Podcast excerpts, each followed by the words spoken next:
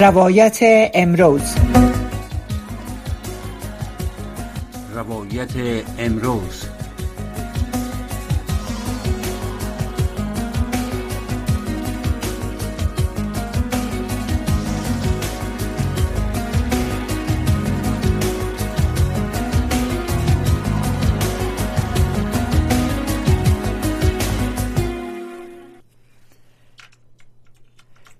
بینندگان و شنوندگان محترم سلام. و برنامه روایت امروز خوش آمدین. امید است که شبها و روزهای خوش خوب و خوش پشت سر گذاشته باشین. البته در یکی دو از یکی دو هفته به طرف خبرهای داغ روز که بسیار تأثیر آور است یکی زلزله زلزله ایراد در افغانستان است. همچنان تنش ها و جنگ های بین اسرائیل و حماس. البته در برنامه امروز می‌خوایم که خب طبق معمول همونطور که می‌فهمین روزهای سهشنبه برنامه را روی موضوعات مرتبط به خانم ها و زنها در افغانستان اختصاص میدیم. این برنامه هم تا حد به مو موضوع ربط می‌گیره. ما همونطور گفتیم وضعیت در جهان در مخصوصا شرق میانه بین اسرائیل و حماس بسیار نگران کننده است. در حالی که آرزوی صلح و آرامش می‌کنیم.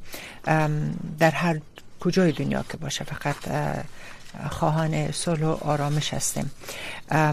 اما خب در برنامه امروز زیادتر کش می‌کنیم که توجه را روی زلزله ایراد اختصاص بدیم که زلزله ایراد چگونگی رسیدگی به زلزله رسیدگی به مجروحین نیازمندی و کمک رسانی به اونا. البته در این مورد صحبت می‌کنیم. ما از دکتر راهله کویر خواستیم که در برنامه باشه. خانم کویر همکارم تلاش می‌کنه که را روی خط بگیرن. اما فکر می‌کنم که مشکل مشکل دارن که روی خط گرفتن نمی‌تونیم. من امراشان امیال صحبت کردم. امی دقیقه گفتن که منتظر هستن که برشان زنگ بیایه. ولی همکارم برام میگه که تلاش کردن که امراشان صحبت کنن. اونا جواب ندادن. ما یک دفعه ببخش نمریشانه می‌خوایم که خب هفت بیست هشت نمرهشان درست است. نمیفهم که چرا جواب نمیتن البته این نمره واتساپ ممکن است که تنها واتساپ شان است. بله. خب کوشش می‌کنیم که حتما برشان اونا را روی خط بریم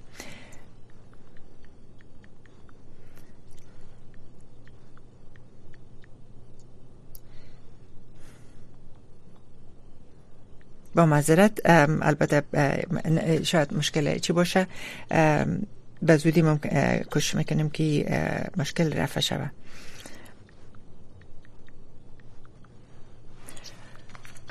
خب اما طوری که ممکن معلوم دار شما آگاهی کامل دارین از اوضاع روز و در قسمت زلزله ایرات کمک ها مخصوصا گفته شد که از طریق خود از طرف خود کسایی که نیاز دولتمند یا با مذارت تاجرا زیادتر کسایی که یک مقدار یعنی زندگیشان وضعیتشان شکر خوب خوب هستن از طرف از او کمک ها زیاد صورت گرفت. کمک های جهانی هم تا حد برشان رسیده ولی بدتی یک مشکلی که کلان دیگه که بودی که چون متاسفانه همونطور که شما آگاهی دارین وقتی که زلزله صورت گرفت um, در جریان روز بود که مردا اکثرا بیرون بودن از خانه های خود کار می‌کردن.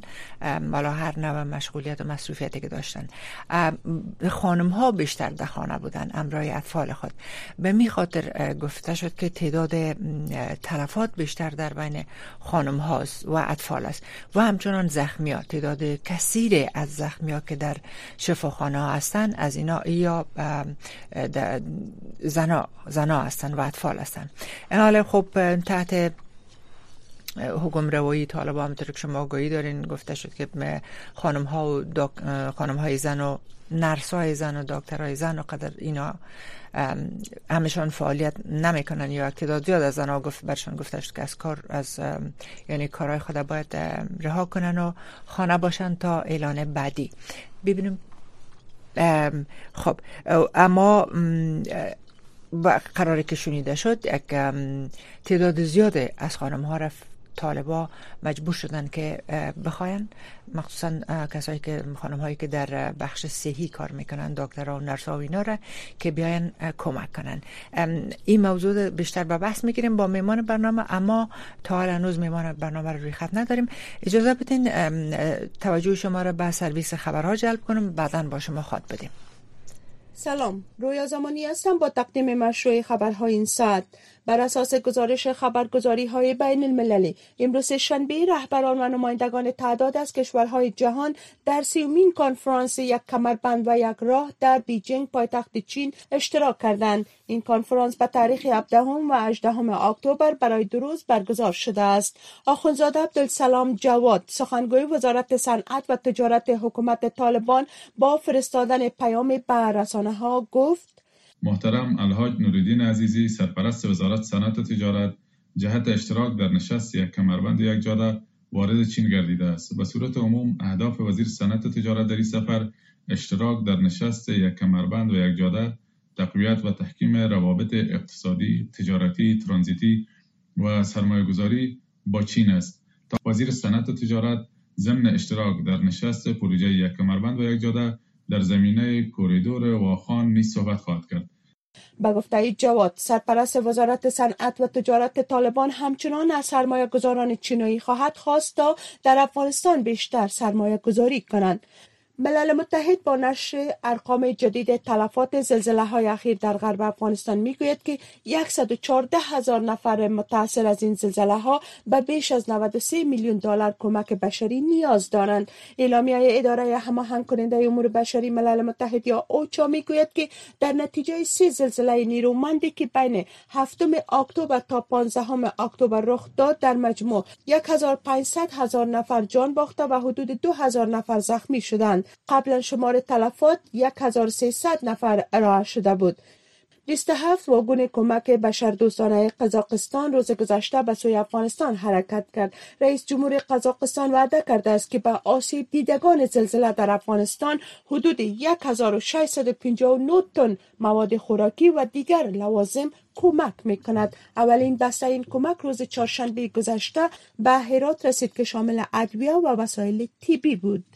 انجمن سارنوالان پیشین افغانستان می‌گوید که اعضای این انجمن از کانادا می‌خواهند که آنان را تخلیه کند و برایشان پناهندگی دهد. این انجمن روز سه شنبه با نشر پیام در شبکه اکس گفته است که سارنوالان افغان که از حاکمیت قانون و دموکراسی دفاع کردن اکنون با تهدید مرگ از سوی طالبان و زندانیانی روبرو هستند که پس از مسلط شدن بر افغانستان از زندانها رها شدند. زندانیانی که این سارنوالان در قضایای آنها دخیل بودند.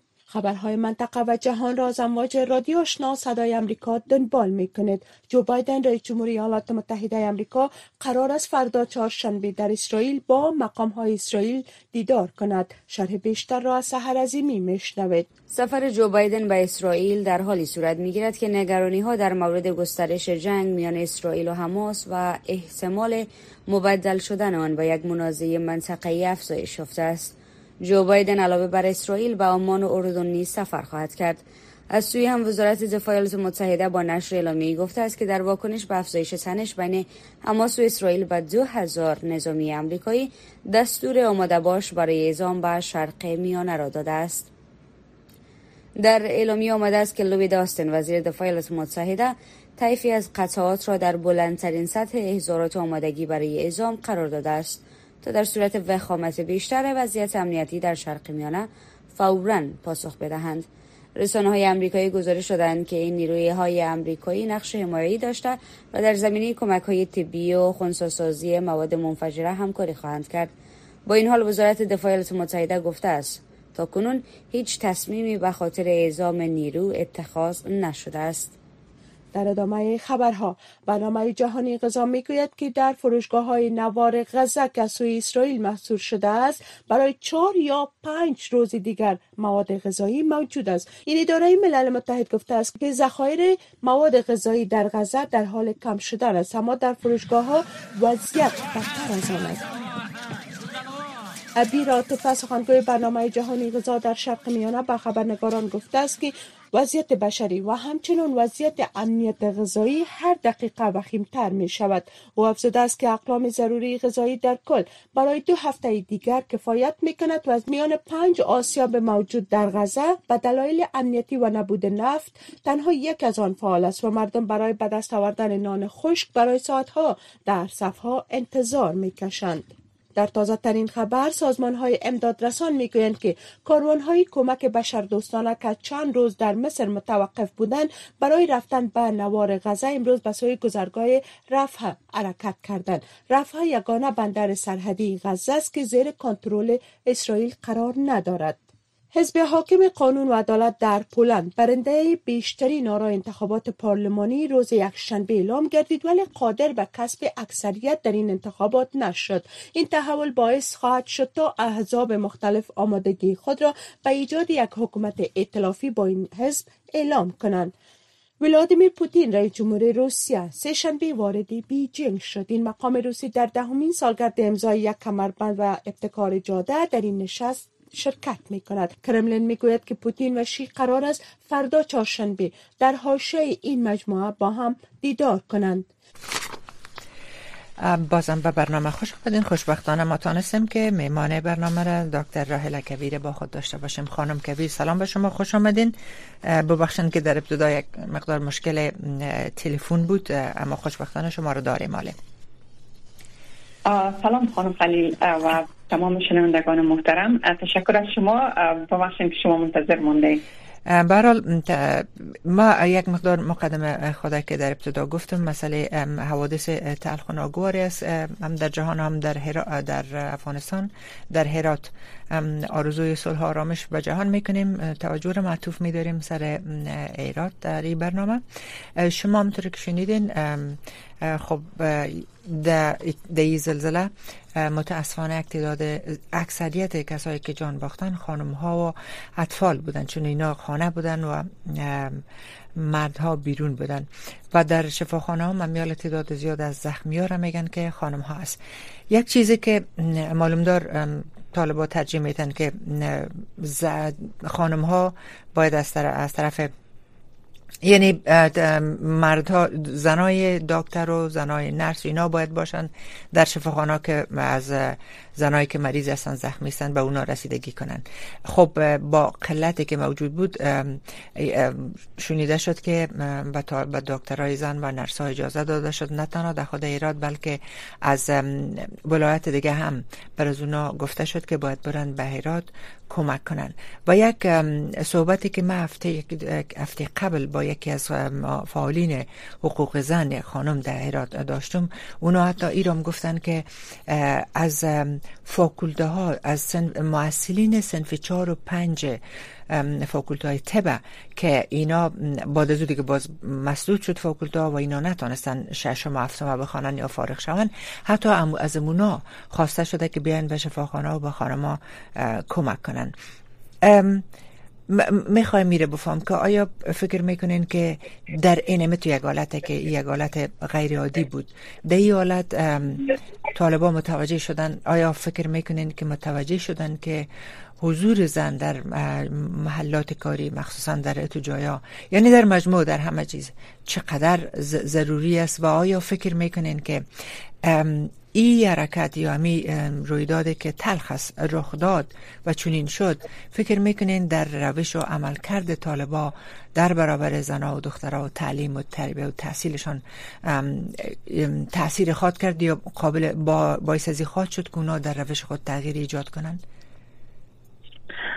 خب در قدم اول ما به تسلیت هم در خود به تمام خانواده هایی که عزیزانشان در حادثه زلزله از دست دادن ابراز می‌کنم و همچنان با تمام مردم هموطنان خود در هرات و در افغانستان احساس همدردی دارم. خب حادثه که در هرات رخ داد و این زلزله های پی هم واقعا یک یک یک حادثه طبیعی بسیار زیاد دلخراش و وحشتناک بود که یک تعداد از هموطنان ما جانایشان از دست دادن بخصوص بله. زنان و اطفال با تمام امو چی غم و اندوه که ناشی از این حادثه برای مردم بجا گذاشت اگر بتانه که این یک تغییر در عملکرد طالبا با وجود بیاره خب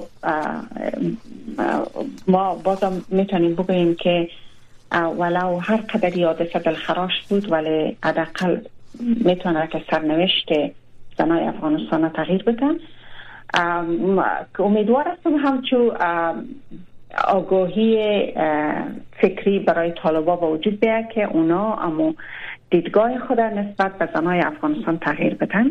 بله ولی خب یک یک حادثه که واقع شد زندگی انسان ها مملو از این نیازمندی هاست و بله. امکان داره که هر زمان حوادث مختلف طبیعی دیگه رخ بده و این نیازمندی ها افزایش پیدا بکنه بنانی چه خوب است که پیش از یک حادثه یک واقع رخ میده امو امو چی بگویم؟ امو آمادگی برای زمینه بله برشان بله امو زمینه برش وجود داشته باشه که بتانن واقعا بر کسایی که در وقت شدیدا نیاز به کمک دارن کمک شن بله.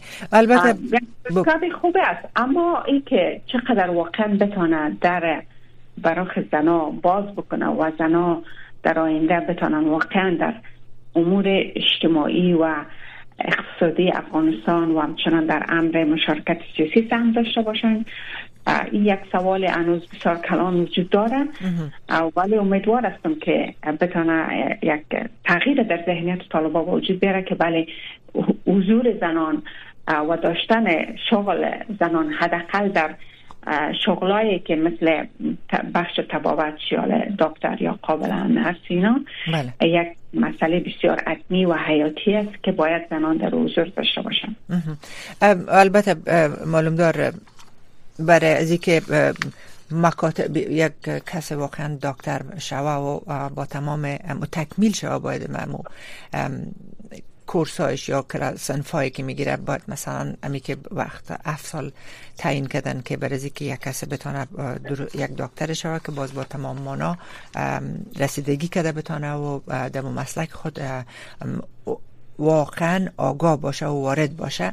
باید تصمیم مثلا نمیشه که یک کورس هم شما می‌گیرین کورس شش ماه فرسن بگیرین سه ماهش خلاص کنین بعد از او بگین که خلاص بیا می‌تونی که اون از عهده امو مسئولیت یا هر وظیفه که است برای این. حال اینا ممی مخصوصا توجه مرا به جلب کرد کسایی که از تا سنف چهار خواندن یا فاکولتی طب چهار یا پنج خواندن بعد از او دانشگاه را مسدود ساختن.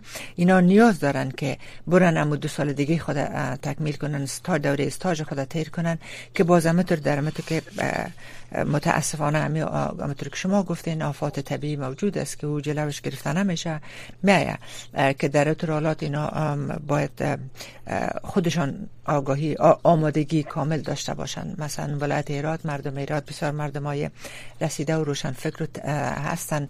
علاقمند درس و تحصیل هستن جوانشان مثل بسیاری ولایت های دیگه کشور مثل تمام ولایت های دیگه وطن. و اونا تشنه درس و تحصیل هستن که اگر اینا بتونن درس خود تحصیل خود بازو در اون صورت اگر کار شوه نیاز به این نیست که از ولایت های دیگه خانم ها را انتقال بدن یا روان کنن که برن کمک کنن در این بخش. و همونطور که شما گفتین دیده شما که به مورد مخصوصا مسئله طب و مسائل صحی صحت انسان ها بسیار زیاد مهم است. حالا در دیگه رشته ها در دیگه مسلک ها اگر زن با خود طالبا کمبودش وقتی که نباشن اینا احساس نمی‌کنن اما آل خوب با وضاحت احساس شد. که اینا زنا از دیگه ولایت آوردن انتقال دادن و گفتن بیاین کمک بکنین. و ای که دیده شود که چقدر همونطور که شما گفتین تغییر روش میده. یک موضوع دیگه از خانم کبیر که یک چیزی را که همیشه طالبان شما شنیدین که میگن که وقتی بگوین که دست زنا از کار گرفتین یا مکاتب بس از خب میگن مکاتب میگن بسته نیست. متاسن شش هم اگر حساب می‌کنن. ولی هیچ وقت نگفتن که مکاتب مطلق بر همیشه بسته است. هیچ وقت نگفتن. در دوره اول خودم نگفتن. عالی هم نمیگن. و همیشه میگن که کار می‌کنن. روش کار می‌کنن. آرا نصاب درسی یا هر مکانیزم است یا هر چیز دیگه که است. ولی نگفتن. اما یک چیز همیشه ایره ادعا کردن که ای گپا دروغ است که دست خانم ها از کار گرفته شده. ای همیشه میگن. میگن ما خودم که در برنامه ما بودن میگن که بین ببینین. زن آدم باد کار می‌کنن به تلویزیون ها رسانه ها هستن در پلیس زیاد گفتن. همین مسئله دکتر شفاخانه را نام بردن. ما یک چیزه که یک کسی که تازه از افغانستان آمد و او رو می‌شناسم از نزدیک برای من امیره گفت که وقتی که امی شما داخل میدان هوایی میشین اوج می‌بینین که خانم ها هسته کار می‌کنن. تعداد زیاد خانم ها رو گفت می‌بینین بیشتر خانم ها رو می‌بینین. و یک موضوع دیگه که مثلا در جاده و در رستوران و اینا که گفتن که اینا کاملا منع شده زنها اجازه ندارن که از خانه های خود برامن. این کسی که آمد البته ای از طالب نیست.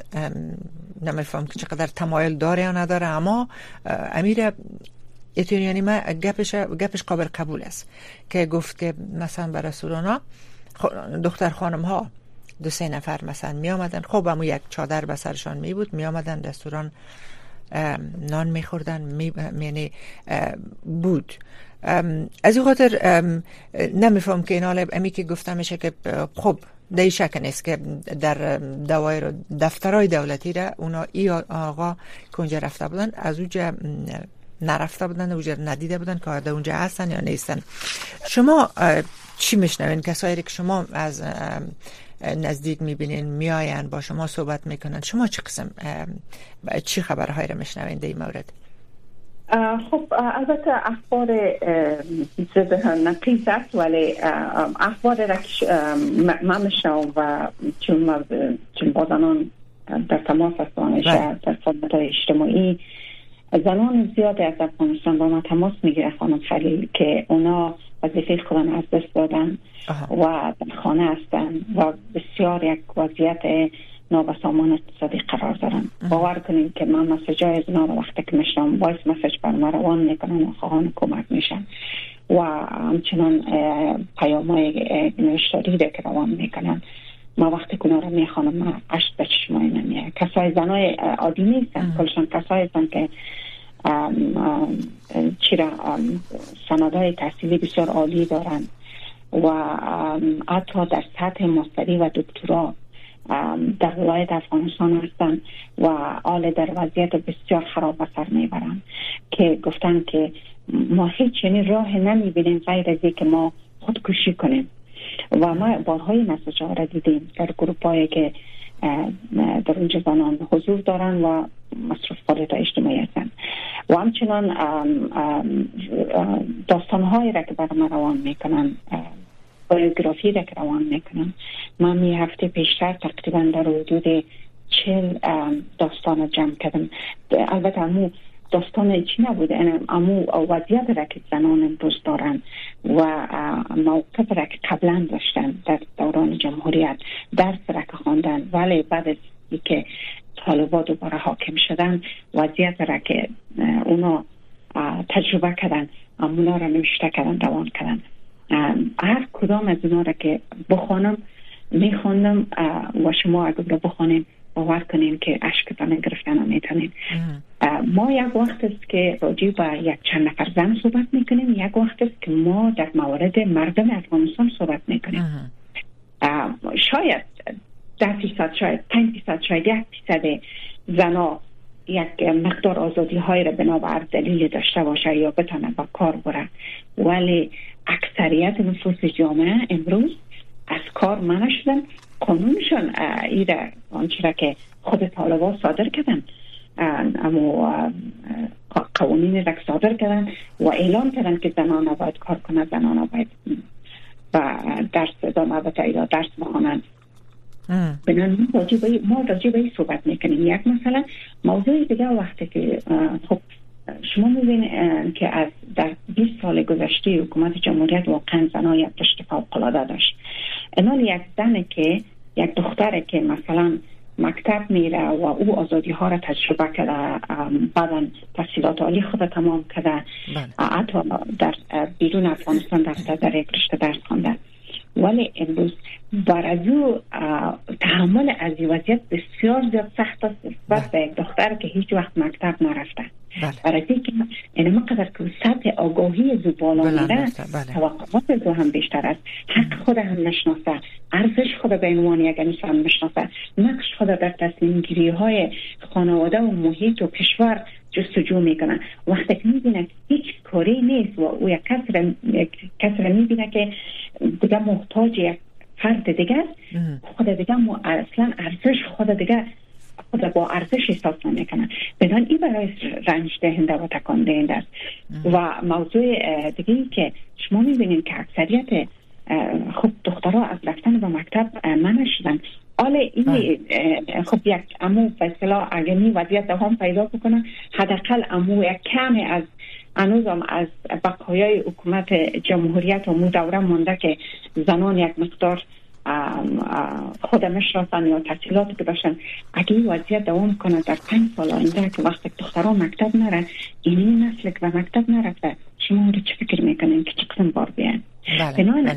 صحبت کردن وقتی که ما صحبت می‌کنیم اگر یک نفر میره یک دو نفر زن از میدان اوایی می‌بینه یا در یک جای دیگه می‌بینه یا یک زنا میرن در یک جای یک عکس می‌گیرن باز در فیسبوک میمانه این مشکل زن و مشکل بله. افغانستان حل نمی‌کنه ما راجع به مردم افغانستان صحبت می‌کنیم راجع به آزادی های مردم افغانستان صحبت می‌کنیم راجع به آزادی ها و حق زنان صحبت می‌کنیم که اونا از لحاظ قانون مشکل نداشته باشند حالا وقتی که یک دختر بتونه مکتب بره یک دختر بتونه تحصیلات عالی خود دام بده یک دختر بتونه کار یک شغل و وظیفه داشته باشه و در اونجا مسئولیت داشته باشه و حق خود داشته باشه حق انتخاب خود داشته باشه.